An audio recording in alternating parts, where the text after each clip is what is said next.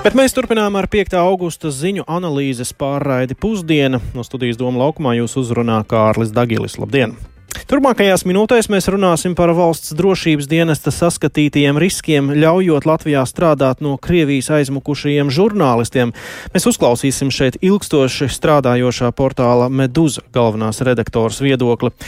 Tāpat mēs pievērsīsimies ģeopolitiskiem satricinājumiem pie Taivānas, arī pie Kosovas robežām, uzklausīsim ekspertus.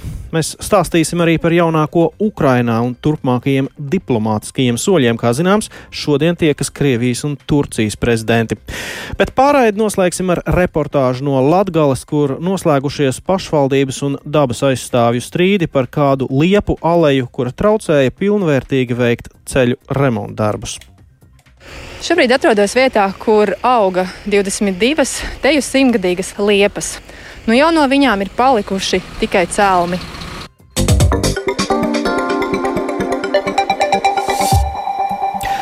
Tas viss turpmākajās 24 minūtēs, bet iesāksim mēs ar ekonomikas ministrijas piedāvājumu, kā sabiedrībai palīdzēt gaidāmajā apkuras sezonā, kad eh, rēķins par siltumu ar vienu vai otru kurināmo strauji pieaugs. Ministrija šodien arī mēdī pārstāvis informēja par valsts paveikto enerģētiskās drošības stiprināšanai un preses konferencē līdzi sekoja arī mana kolēģa Linda Zalāna, ar kuru esam šobrīd sazinājušies. Labdien, Linda! Labdien, Kārli! Labdien, Latvijas radio klausītāji! Vai valsts šajā ziemā būs enerģētiski neatkarīga un vai mums pietiks kurnāmā? Jā, šodien preses konferencē mediju pārstāvjiem ekonomikas ministra Ilza Indreksone no Nacionālās apvienības uzsvēra, ka līdzinējie mājas darbi enerģētiskās neatkarības veicināšanā ir paveikti saulēcīgi un sekmīgi. Latvija noslēgusi sadarbības līgums ar Lietuvu un Igauniju, kā arī valdības uzdomā Latvija Energo ir izveidojis gāzes rezerves. Vienu apjomu iegādājās jau pavasarī, un šīs gāzes apjoms ir iesūknēts Inču kalnā, bet otra rezerves porcija ir aizrunāta un daļa jau ir Inču kalnā. Pie nākotnes darbiem ekonomikas ministrija uzsver, ka tā ir sākusi otrā posma izpēti Latvijas sašķirinātā dabas gāzes termināļa izbūvei. Tāpat pie nākotnes soļiem ekonomikas ministrija rosina gan mājasēmniecībām, gan arī uzņēmumiem ražot pašiem elektroenerģiju, izmantojot saules enerģiju, bet ilgtermiņā valsts plāns ir veicināt vēja enerģijas attīstību. Ekonomikas ministre uzsvēra, ka energoresursi nākamajā apkuras sezonā pietiks, bet vienlaikus aicina gan iedzīvotājiem, gan arī uzņēmumiem pašiem domāt par iespēju ražot enerģiju, kā arī taupīt, pārskatot ikdienas paradumus. Nu, tādi arī, protams, notiek. Cilvēki mainās un arī uzņēmumi šos saules paneļus liek. Bet runājot par apkursu sezonu un iedzīvotājiem, vai visi saņems atbalstu neatkarīgi no tā, kādu kurināmo izmanto, ko saka ekonomikas ministrija? -hmm.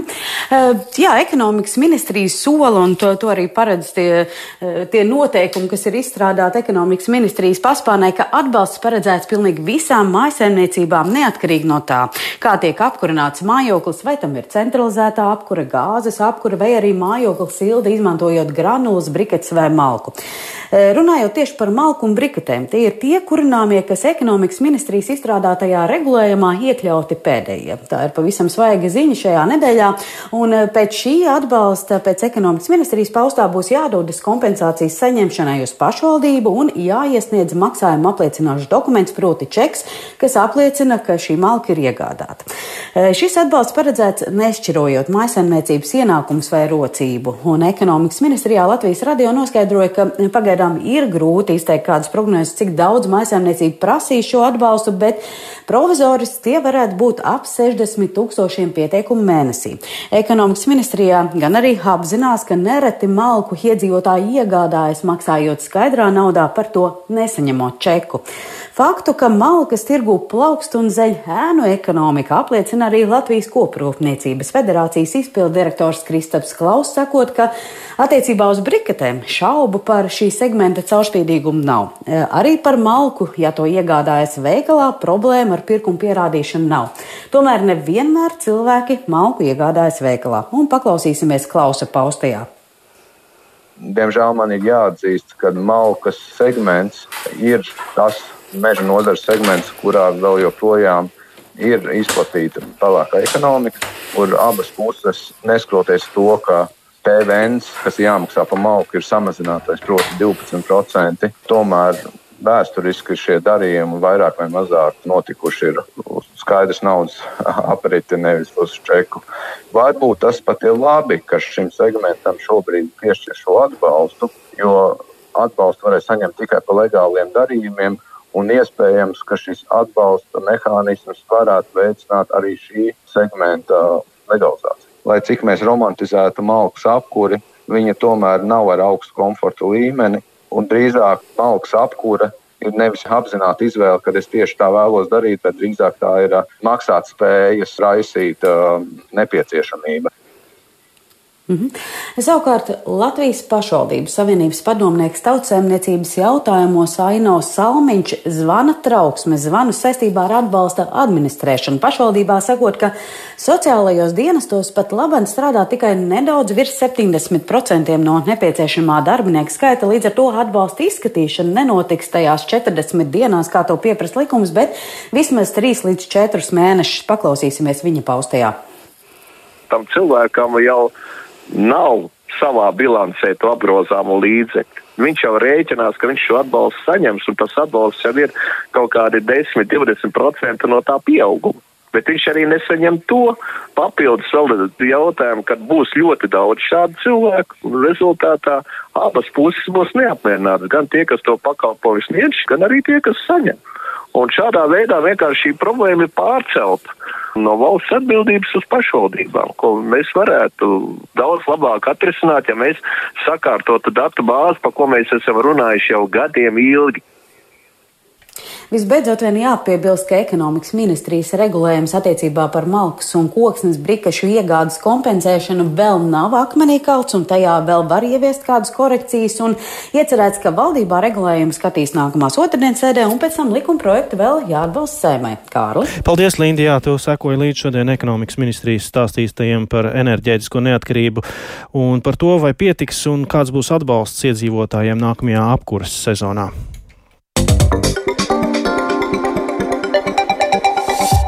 Bet turpinājumā par valsts drošības apdraudējumu riskiem no Latvijā iebraukušajiem krievu žurnālistiem. Mēs esam jau stāstījuši, ka kopš Krievijas sāktā kara uz Latviju no agresoru valsts ir emigrējuši vairāk nekā 200 Krievijas žurnālistu un 23 mēdīju organizācijas. Daļa no tām arī oficiāli sākušas darbu no Rīgas, lai turpinātu informēt Krievijas sabiedrību par notiekošo Ukrainā un ko darīt Krievijā, protams, vairs nav iespējams tur pieņemt to likumu dēļ. Latvijas radio pagājušo nedēļu noskaidroja un ziņoja, ka līdz ar šo valsts drošības dienests ir brīdinājis augstākās amatpersonas, ka Krievijas mēdīju ienākšana Latvijā rada riskus. Šonadēļ esam ieguvuši papildus skaidrojumus no dienesta par konkrētiem apdraudējumiem. Valsts eh, drošības dienests mums atbildē raksta tā, citēja, pirmkārt, apdraudējums ir saistāms ar izlūkošanas riskiem, tā kā šie mēdīju uzņēmumi un žurnālisti ilgstoši ir strādājuši agresoru valstī, nav izslēdzamas atsevišķu Latvijas, Latvijā darbību uzsākušo mēdīju vai to pārstāvju saites ar Krievijas spēcdienestiem. Tāpat drošības dienests satraucas par dezinformācijas apmēra iespējamo pieaugumu. Citēju, Krievija gadiem ilgi īstenojusi mērķtiecīgus un sistemātiskus pasākumus informatīvo telpas un uh, mēdīju darbības ietekmēšanai atbilstoši savām interesēm. Līdz ar to pastāv risks, ka atsevišķu mēdīju un žurnālistu veidotajā saturā varētu tikt iekļauti pret rietumu valstīm, tajā skaitā arī pret Latviju vērsti vēstījumi. Tā drošības dienests.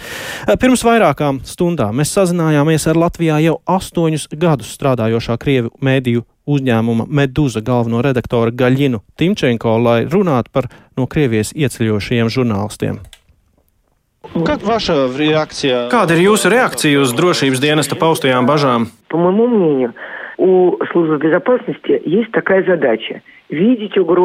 Tas ir drošības dienesta uzdevums redzēt un brīdināt par draudiem, bet sabiedrībai ir jānovērtē, vai šie draudi tiešām pastāv. Sliktākais, kas var notikt, ir uzticības zudums, konflikts un demokrātisko brīvību ierobežojumi. Отсутствие демократических свобод. А как вы видите, есть? Vai jūs redzat, ka pastāv kādi draudi no krievu žurnālistiem? Насколько я знаю, я это знаю по своему личному опыту. No savas pieredzes varu teikt, ka ārlietu ministrija ir izstrādājusi veidu, kā skrupulozi pārbaudīt katra patvēruma meklētāja biogrāfiju, tāpēc drošības dienesta paustās bažas uzskatu par pārspīlētām. Visi iebraukušie ir zināmi cilvēki, nejaušu garām gājēju šeit nav. Случайных людей здесь практически нет. Как вам работа? Kā ir strādāt krievu žurnālistiem aizdomu apstākļos? Меня никто не подозревает, простите. Давайте не будем передергивать. Я в Латвии 8 лет. Mani personīgi neviens netur aizdomās. Esmu labi zināma un šeit strādāju jau astoņus gadus. Drošības dienesti vienmēr būs satraukti, bet vēlreiz gribu atgādināt, ka ir likumi un ir demokrātiskās vērtības, tā skaitā vārda brīvība, par kuru mēs šeit cīnāmies. Atgādināšu, ka Putins iesāka tieši ar žurnālistu turēšanu aizdomās un viņu sāka apklusināt. Mums nevajadzētu iet Putina ceļu. Давайте не пойдем путем Путина. Tik tālu Gaļina Timčenko, Latvijā strādājošā mēdīja Meduza galvenā redaktore. Latvijas radio gan nav zināms, vai un kā atbildīgie uzrauga un monitorē Krievu žurnālistus un viņu veidoto saturu. Mēdīju darbam tiešas uzraudzības nemaz nav. Saimā par to politiski atbildīgi ir cilvēktiesība komisija, bet izpildu varā kultūras ministrija, kuras galvenais pienākums ir sadalīt budžeta naudu mēdījiem. Tikmēr Nacionālā elektronisko plašsaziņas līdzekļu padome monitorē tikai televīzijas un radio un apraides atļauju izsniegus tikai vienai Krievijas televīzijai TV Reina. Ārlietu ministrijā savukārt Latvijas rādio noskaidroja, ka iebraucējiem vīzas ir izsniegtas, prasot arī valsts drošības dienesta akceptu, tāpēc tur nesaprot, kāpēc uh, ir jebkādi riski no valsts drošības dienesta izteikti.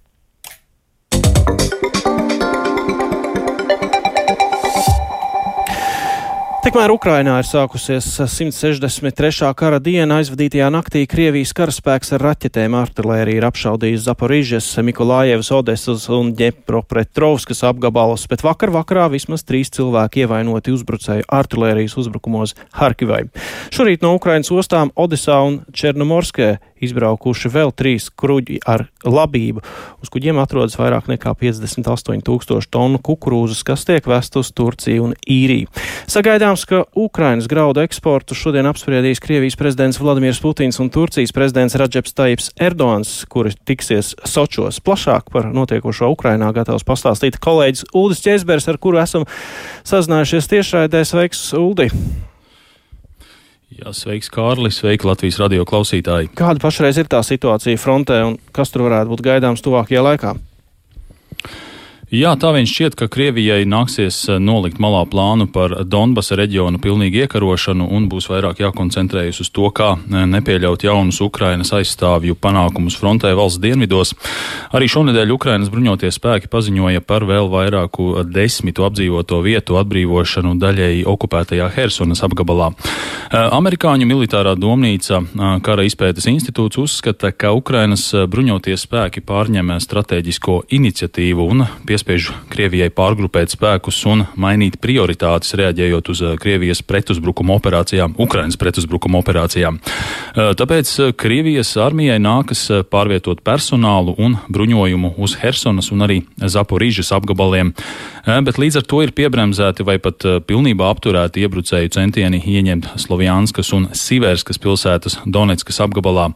Domnīca arī apgalvo, ka Krievija no citiem ieņemtajiem Ukrainas reģioniem uz 2014. 2014. gadā okupēto Krīmas pussalu pārvieto kara tehniku, tostarp artilēriju un lidmašīnas, acīm redzot baidoties no iespējamiem Ukrainas spēku uzbrukumiem. Taču tas nenozīmē, ka frontē Ukrainas austrumos būtu kļuvis mierīgāk, joprojām turpinās cīņas izjūmas pilsētas tūmā Harkivas apgabalā, tāpat Krievijas karaspēks cenšas pietuvoties Bahmutas pilsētai Donetskas apgabalā. Arī Luhanskas apgabalā Krievijas armija mēģina ieņemt vēl atlikušās nedaudzās teritorijas, kuras kontrolē Ukraiņu spēki. Kam Uldi vēl būtu Ukraiņu... jāpievērš uzmanība Ukrainā? Jā, ļoti satraucoši ir situācija Zaporīžas atomelektrostacijā, kas ir eh, viena no lielākajām Eiropā, un to kopš marta jau ir okupējuši Krievijas spēki, tāpēc nav iespējams nodrošināt normālu uh, atomelektrostacijas darbību, un pastāv arī ļoti nopietni drošības riski. Un uh, Lielbritānijas militārie izlūkdienesti šodien savā ziņojumā norāda, ka joprojām nav skaidrs, kādi ir Krievijas nolūki attiecībā uz Zaporīžas atomelektrostaciju. Um, iebrucēji no elektrostacijas teritorijas teritorijas ar artilēriju ir apšaudījuši Ukrainas kontrolētās teritorijas un um, zinot, ka uh, Ukraiņu spēki nevarēs atbildēt un uh, iespējams, ka Krievijas armija izmanto atomspēkstacijas teritoriju un tai blakus esošo energodaras pilsētu, lai atpūtinātu savus spēkus un uzglabātu ekipējumu. Un eksperti brīdina, ka mm, lielākais risks Zaporīžas atomelektrostacijai ir um, raķetes vai artilērijas šāviņa trāpījums kādā no reaktoriem, kas varētu izraisīt aviācija, avāriju un radiācijas noplūdi. Un, uh, šī radiācija varētu izplatīties ne tikai Ukrainas teritorijā, teritorijā, bet arī Krievijā un Eiropas valstīs. Paldies, tas bija Uldis Čēzberis par jaunāko no Ukrainas. Tikmēr Ukrainas kara diplomātiskajā arēnā daudz ar bažām vēro, kas notiek uz Serbijas un Kosovas robežas. Tur šonadēļ bija jāstājas spēkā noteikumiem, kas Serbijas ieceļotājiem Kosovā liktu mainīt personas apliecības pret īpašu pagaidu dokumentu, kā tas līdz šim ir bijis ar Serbijā ieceļojošajiem kosoviešiem. Protestu dēļ šī jaunā norma ir atlikta un eksperti notikumos saredz Krievijas ietekmi, kurai vai nestabilitāte Balkānos varētu būt veids, kā novērst Eiropas Savienības un NATO uzmanību no Ukrainas. Šādu viedokli intervijā Latvijas radio pauda domnīcas un konsultāciju uzņēmums Strategic Analysis dibinātājs un vadītājs Jans Cingels. Viņš īpaši izcēla Krievijas darbības sociālajos mēdījos un ar ekspertu sarunājās Rihards Plūme. Saspīlēto Serbijas un Kosovas attiecību dēļ dažādi spriedzes uzliesmojumi bijuši vairāk kārt, un pēdējais no tiem vēl šonadēļ. Kā jūs raksturotu šos pēdējo dienu notikumus? Are... Serbijas un Kosovas attiecības ir saspīlētas, un īpaši pēdējo divu ar pusgadu laikā tās ir īpaši saspringtas, ņemot vērā, ka tā dēvētais Belgradas un Prištinas dialogs ir apstājies, padarot attiecības sarežģītākas. Aptuveni 10% Kosovas iedzīvotāji ir serbi, kas pārstrādā dzīvo Kosovas ziemeļos, kompaktā teritorijā, bet arī dienvidos ir liela daļa serbu. Redzēsim, kas notiks 1. septembrī. Varbūt būs kādas problēmas, taču vairāk raugos uz oktobri, jo tas Balkānos būs ļoti saspringts. Runa ir arī par vēlēšanām Bosnijā, kas ir saistīta ar Serbiju. Bosnijā ir šīs serbu teritorijas, kurā dzīvo pārsvarā serbi, un valstī šī iekšējā etniskā spriedze ir ļoti augsta. Izskanēja nemazums apgalvojumu, ka aiz šī pēdējā sāsinājuma stāv ne tikai Serbija, Krievija, bet arī Krievija. Kāds ir jūsu viedoklis, vai šie apgalvojumi ir pamatoti? Yeah, Serbia reacted to the uh, changes of. Um, Serbija reaģēja uz Kosovā pieņemtajām izmaiņām un vēlējās būt labi sadzirdēta un paust nepatiku. Bet liela daļa konflikta, kas norisinājās svētdien un vēl pirmdien, būtībā notika sociālajos mēdījos. Daudzi sociālo tīklu konti, kas jau ierasti bija prokrieviski un vairāk pievērsās Ukrainai un Zīrijai, svētdienas vakarā pēkšņi pārslēdzās un runāja tikai par Kosovu, ka Kosova uzbruks Serbijai, kas ir pilnīgi absurdi. Un šie konti arī izplatīja izdomājumus par attiecībām Kosovas un Serbijas starpā. Būtībā tie pielēja eļļu ugunī. Protams, bija šī dzirkstele ar jauno regulējumu, bet tas bija šīs eļļas pieliešana sociālos medijos un no troļļiem. Ir svarīgi norādīt, ka Serbijas sabiedrība ir prokrieviska, ko uzrāda vairākas aptaujas. Krievijai ir būtiski radīt šo troksni Balkānos, jo tas nosvērtu Eiropas Savienības un NATO uzmanību no Ukrainas uz citu krīžu pusi. Balkāni šajā ziņā ir ļoti ērti un lēti Krievijai, jo nepieciešams nelielas investīcijas, lai to panāktu.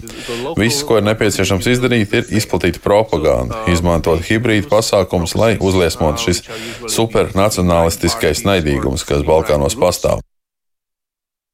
Tā par eh, Kosovas un Serbijas robežu un tur notiekošo stāstīja mums intervijā Jans Cingels, eh, domnīcas Strategic Analysis vadītājs. Tikmēr pie Taivānas krastiem šodien turpinās Ķīnas vērienīgie militārie manevri, kas sākās vakar pēc ASV Demokrāta partijas vadošās amatpersonas Nensijas Pelosī vizītes Taibijā. Vakar Ķīna raidīja vairākas balistiskās raķetes Taivānas salai apkārt esošajos ūdeņos. Ķīna ļoti sadusmojusi Pelosī vizīte, jo Pekina saredz Taivānu kā sev pieguļošu teritoriju un jebkādas savas divpusējās diplomātiskās attiecības ar rietumiem tai nav pieņemamas. Paredzams, ka Ķīnas iebrukums Taivānā nenotiks un ka Pelosi radītais žests atkal iesaldēs Ķīnas un ASV attiecības, kurās bija novērojams zināms atkūsnes pēc G20 samita laikā aizvadītajām Ķīnas ārlietu ministru un ASV valsts sekretāra ilgajām sarunām. Tā vērtē politoloģi Rīgas Stradiņu universitātes Ķīnas studiju centra vadītāja un Aleksandra Bērziņa Čerenkova. Viņas komentāru pirms brīža uzklausījām. 中国军队说话是算数的。Ķīnas armijas vārdi skaitās, vai arī nav tukši vārdi, kā gribās tā var tulkot šo Ķīnas aizsardzības ministrijas Taņa Kafeja runas vīra frāzi, bet katrā ziņā tās jēga ir skaidra. Proti, mēs nesēdēsim rokas klēpī salikuši, kamēr Nancy Pelosi apmeklē Taivānu. Un tik tiešām mācības ir atsākušās Taivānai. Pāri lido Ķīnas kara lidmašīnas ar raķetēm bruņotas. Šīs mācības ir radījušas satraukumu arī Japānas premjerministram, pie kura arī viesojās Pelosi Fumio Kishidam, kurš ir lūdzis un prasījis Ķīnai pārtraukt šīs mācības, jo tās radot apdraudējumu visam reģionam. Vai tas nozīmē, ka Ķīna pārtrauks mācības? Nē, bet tajā pašā laikā vai tas nozīmē, ka iebrukums Taivānā ir sagaidāms šo mācību rezultātā? Tagad arī visdrīzāk nē, jo ārkārtīgi augsta tāda demonstratīva vērtība ir šīm mācībām.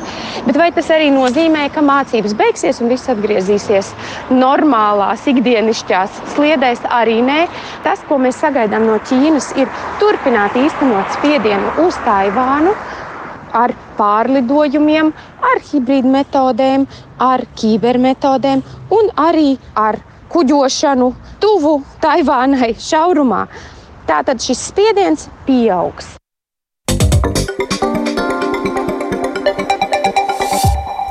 Tik tālu par starptautiskajiem notikumiem, bet atgriežoties Latvijā, mēs jau ilgstoši esam pievērsušies Latgales pusē kādas liepu alējas liktenim.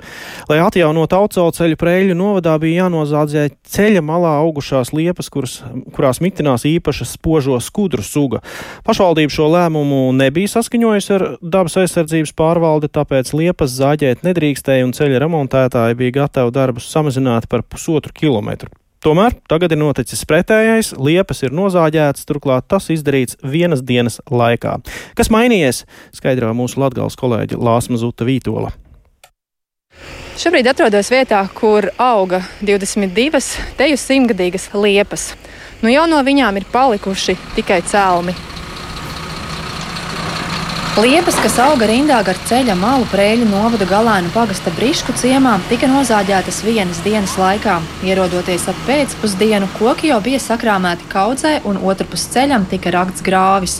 Prēļu novada pašvaldība deva tomēr atļauju liepu rindu nozāģēt, lai gan vēl jūlijas sākumā to darīt neatļāva, balstoties uz dabas aizsardzības pārvaldes atzinumu, jo uz diviem kokiem tika atrastas īpaši aizsargājamās sugas spožās skudras atradnes. Turpinājumā teiktais no Prēļa novada pašvaldības pirms trim nedēļām. Pārvaldes atzinumā ir rakstīts, ka tātad šīs visas, visa liepu rinda tiek noteikta kā skudru dzīvotne, un attiecīgi nebūtu pieļaujama visas koku rindas nociršana. Taču tagad, kā skaidro Prēļa novada pašvaldības attīstības investīciju un inženieru tehniskās daļas vadītāja Iveta Pīziča, situācija ir mainījusies. Dabas aizsardzības pārvalde raksta savā lēmumā, ka tā ir salīdzinoši plaši izplatīta suga, pieņēma lēmumu un izdeva atļauju šīs divas liepas nocirst. Jautājot dabas aizsardzības pārvaldei, kādēļ ir dota šāda atļauja, lai gan sākotnēji atzinumā teikts, ka nebūtu pieļaujama situācija, ka koki tiek nocirsti, atbildes sniedz pārvaldes dabas aizsardzības departamenta direktore Gita Strode tā koku aleja ir vērtīga gan bioloģiski, gan ainaviski. Pašvaldība jau bija pieņēmusi lēmumu par viņas likvidāciju. Mums vairs nav jēgas divu koku dēļ. Tad mēs varētu aizliegt nocirst divus kokus un pārējos tāpat varētu atļaut, kas nav nekāds risinājums. Ne tas saglabā aleju, ne tas ļauj rekonstruēt ceļu. Tas ir ne šis, ne tas. Dabas aizsardzības pārvaldes atļaujā ir nosacījums, ka nocirstās koku rindas vietā ir jāiestāda jauna, kas atradīsies ārpus ceļa nodalījuma vietas. Pašvaldība to ir apņēmusies izdarīt šajā rudenī. Lāsma Zuta Vīto Latvijas radio studija Latgalē.